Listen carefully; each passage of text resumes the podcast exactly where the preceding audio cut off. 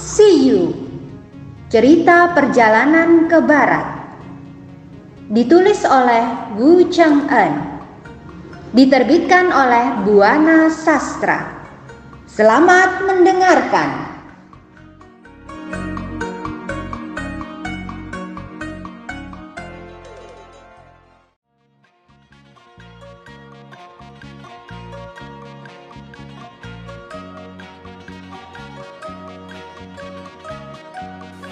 Bab 15 Tan San Sang bertemu Liu Bokin.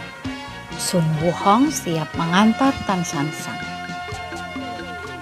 Tan San Sang berangkat ke barat pada tanggal 12 bulan 9 tahun Sengguan atau tahun ke-13 Begitu meninggalkan kota Chang'an, Tan San Sang melakukan perjalanannya dengan cepat. Dalam tempo dua hari, biksu ini sudah sampai di kuil Famen. Sebagai seorang biksu, tentu saja ia tidak mencari penginapan tetapi kuil. Setiba di kuil itu, ia disambut oleh para kepala biksu di kuil itu. Biksu ini memiliki murid yang jumlahnya tak kurang dari 15 orang. Mereka berbaris dari kiri ke kanan untuk menghormati biksu Tan Sansang. Selesai upacara penyambutan, Tan Sansang diajak masuk ke kuil untuk makan bersama.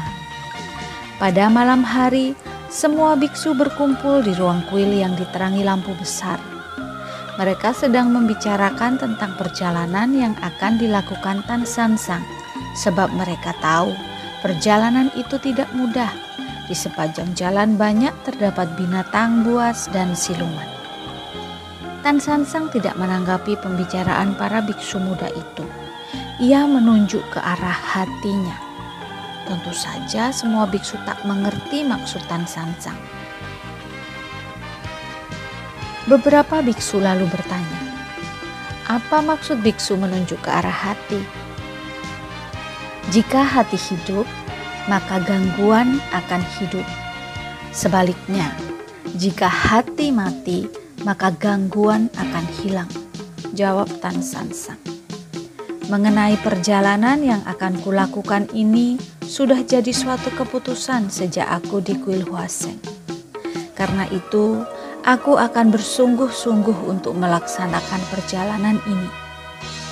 Kepergianku ke barat untuk menemui Buddha dengan tujuan mengambil kitab suci. Dengan demikian, keselamatan negara dan kaisar akan tercapai. Para biksu tak mengira pendirian Tan Sang Sang begitu teguh. Sesudah malam semakin larut, Tan Sang Sang pergi ke kamar untuk istirahat. Esok harinya, ketika rembulan sudah mulai condong ke barat dan ayam jago mulai berkokok, semua biksu bangun. Tan San Sang pun tentu sudah bangun. Kemudian ia mandi. Tak lama seorang biksu kecil telah datang mengantarkan teh hangat. Sesudah itu Tan Sansang diundang untuk sarapan pagi. Sebelum bersantap, Tan Sangsang terlebih dahulu memakai jubahnya. Sesudah itu ia pergi ke aula untuk menghormat pada patung Buddha.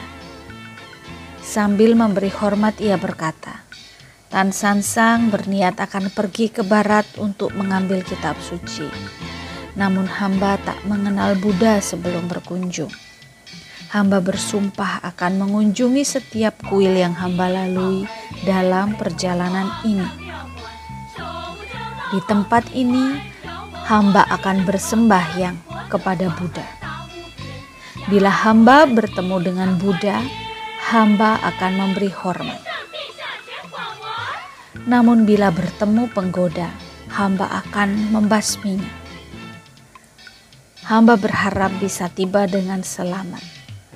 Semua ini berkat kemurahan Buddha. Dengan demikian, hamba bisa segera kembali dan menyiarkan ajaran Buddha di negeri timur. Selesai berdoa, Tan Sang Sang pergi bersantap pagi. Selesai makan, Tan Sang Sang bersama dua pengiringnya berangkat untuk melanjutkan perjalanan. Ketika Tan Sang Sang berpamitan, Biksu tampak merasa berat untuk berpisah. Para biksu kemudian mengantarkan tamunya sampai sejauh 10 li. Sambil mencucurkan air mata, mereka terpaksa berpisah. Tan Sang Sang berjalan terus ke arah timur, sedangkan para biksu pulang ke kuilnya. Saat itu adalah musim gugur menjelang musim dingin. Tak heran kalau di sepanjang jalan yang dilalui hanya tampak pepohonan yang mulai gundul karena daunnya rontok ke bumi. Salju putih bagi jutaan kapas halus berjatuhan tak henti-hentinya. Udara terasa amat dingin alam berubah jadi putih. Sejauh mata memandang, hanya warna putih saja yang tampak. Di sepanjang jalan, Tan Sansang dan kedua pengikutnya jarang menemui rumah penduduk. Mereka hanya melihat padang yang putih karena tertutup salju. Selang beberapa hari kemudian, Tan Sangsang dan kedua pengantarnya telah tiba di Gongzhou Ketika pejabat setempat mendengar tentang kedatangan utusan kaisar yang akan pergi ke barat, mereka segera mengadakan penyambutan. Pejabat setempat lalu mengundang Tan Sangsang dan dua pengantarnya masuk ke kota. Mereka juga menyediakan tempat menginap beserta segala keperluan untuk Tan Sangsang dan pengiringnya. Di Gongzhou ini, Tan Sangsang hanya menginap satu malam, lalu esoknya mereka melanjutkan perjalanan kembali. Tiga hari kemudian mereka tiba di perbatasan Hezhou Wei. Ketika pemimpin kota mendengar kedatangan utusan kaisar, mereka segera mengadakan penyambutan meriah. Tan Sangsang dan pengikutnya ditempatkan di kuil Fuyuan. Pemimpin kota itu mengadakan jamuan untuk menyambut utusan kaisar.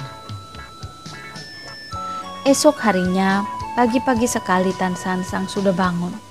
Sesudah bersantap pagi, mereka bersiap-siap melanjutkan perjalanan mereka.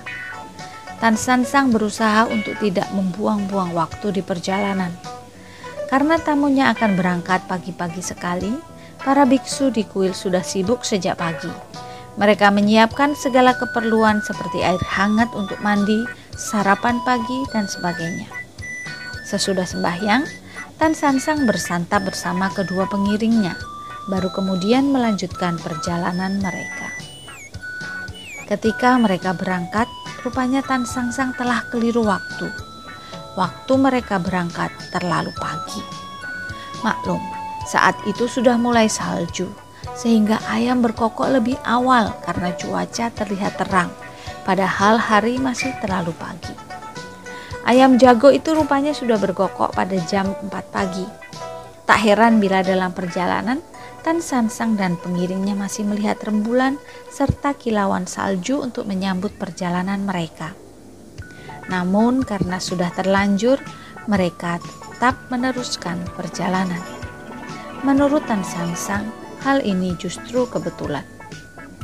Dengan demikian, mereka bisa lebih cepat sampai di tempat tujuan. Sesudah berjalan sejauh beberapa li, di depan mereka tampak sebuah gunung. Bagi mereka, gunung bukan halangan sebab harus tetap mereka lalui. Namun rasa was-was tetap ada karena mereka belum mengenal jalan di tempat itu. Jalan itu masih asing bagi mereka. Karena berjalan dengan sedikit was-was, Tan Sansang dan pengiringnya jadi kurang waspada karena itulah mereka tidak melihat di depan ada lubang jebakan. Tiba-tiba Tan Sansang dan anak buahnya terjerumus ke lubang jebakan. Tan Sangsang berteriak karena kaget. Teriakan itu menarik si pemasang jebakan. Lekas tangkap dia, tangkap dia. Terdengar langkah kaki berderap menuju ke lubang jebakan. Mereka ternyata para siluman dan setan gunung itu Jumlahnya tak kurang dari 50 siluman. Tak lama, Tan Sansang dan anak buahnya dibawa menghadap Raja Siluman. Diam-diam Tan Sangsang membuka matanya. Ia sangat kaget saat mengetahui bahwa dirinya dan anak buahnya sedang berhadapan dengan satu makhluk aneh menyeramkan. Wajah siluman ini sangat bengis. Kedua matanya menatap tajam Dua baris giginya juga amat tajam. Tubuh siluman itu tinggi besar dengan kumis lebat yang kaku. Kuku-kuku tangannya panjang dan tajam. Kedua pengiring Tan Sansang amat ketakutan. Keduanya menjerit-jerit minta tolong. Namun siapa yang akan menolong mereka? Karena lelah berteriak-teriak, kedua pengiring Tan Sansang akhirnya pingsan. Ketika Tan Sangsang dan kedua pengiringnya akan dimakan oleh Raja Siluman itu, dua siluman lain tiba-tiba datang ke tempat itu. Tamu itu mengaku bernama siluman lembu dan siluman beruang. Karena kedatangan tamu itu, siluman yang sudah siap melihat mangsanya terpaksa menundanya untuk sementara. Ia lalu menemui kedua tamunya. Kedua tamu itu dipersilahkan masuk. Mereka melihat saat itu tuan rumah sedang menghadapi tiga orang tawanan. Jenderal Yin, kuharap kau selalu bahagia kata siluman beruang.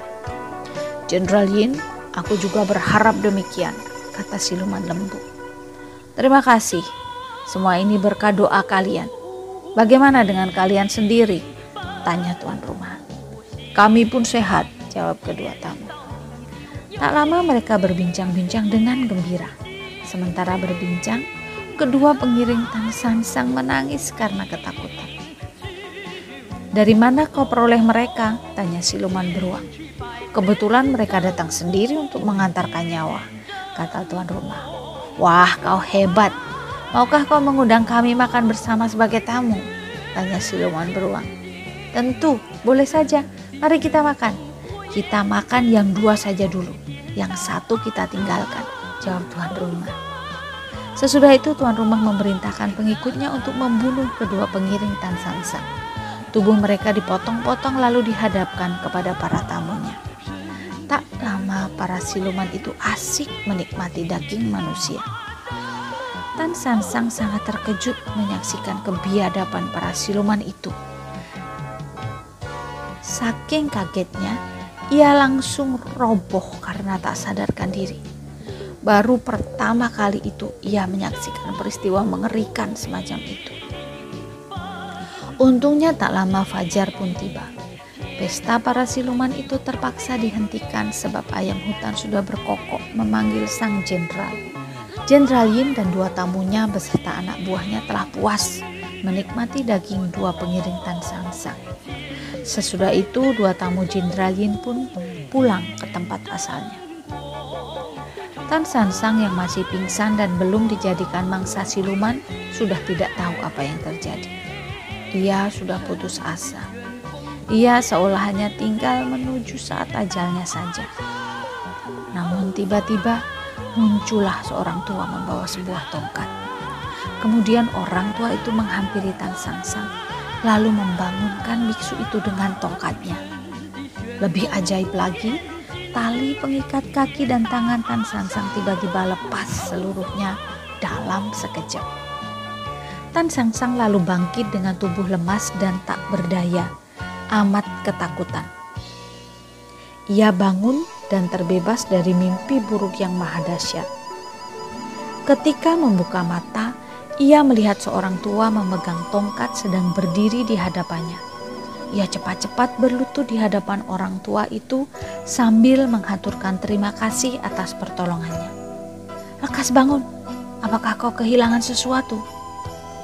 Ya, kedua pengiringku telah dimakan siluman. Aku juga tak tahu di mana buntalan dan kudaku. Bukankah itu kuda dan buntalanmu? Kata orang tua itu sambil menunjuk ke suatu tempat. Di sana memang ada seekor kuda dan pada pelananya masih tergantung sebuah buntalan. Tan Sang Sang menoleh ke arah yang ditunjukkan si orang tua. Melihat kuda dan barangnya masih utuh, Tan Sansang mengangguk dan merasa senang sekali. Paman, apa nama tempat ini? Tempat ini bernama Gunung Kembar Bercabang dan merupakan sarang siluman. Gunung ini adalah tempat tinggal Jenderal Yin, siluman lembu, siluman beruang hitam, dan siluman harimau. Anak buah mereka adalah siluman binatang liar di tempat ini. Karena kau seorang suci, mereka tak bisa segera memangsamu. Mari ku antar keluar dari tempat ini, kata orang itu. Tentu saja Tan Sang Sang sangat gembira. Ia mengikuti ajakan orang tua itu sambil menuntun kudanya. Dengan susah payah Tan Sangsang dibimbing sampai di sebuah jalan besar. Sampai di tempat itu si orang tua berkata, "Kau sudah selamat." Tan Sangsang segera berlutut lalu menghaturkan terima kasih.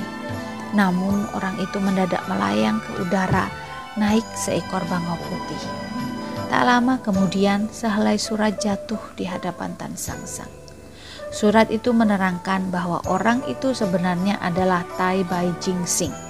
Ia sengaja datang untuk memberikan pertolongan. Ia juga berharap agar Tan San Sang tidak putus asa sesudah mengalami kejadian itu. Tan Sang Sang lalu menengadah ke atas, memberi hormat dan menghaturkan terima kasih. Sesudah itu ia melanjutkan perjalanannya kembali. Sekarang ia hanya seorang diri dengan ditemani kudanya yang setia. Tan Sang Sang amat berduka ketika teringat pada kedua pengiringnya yang dimangsa siluman.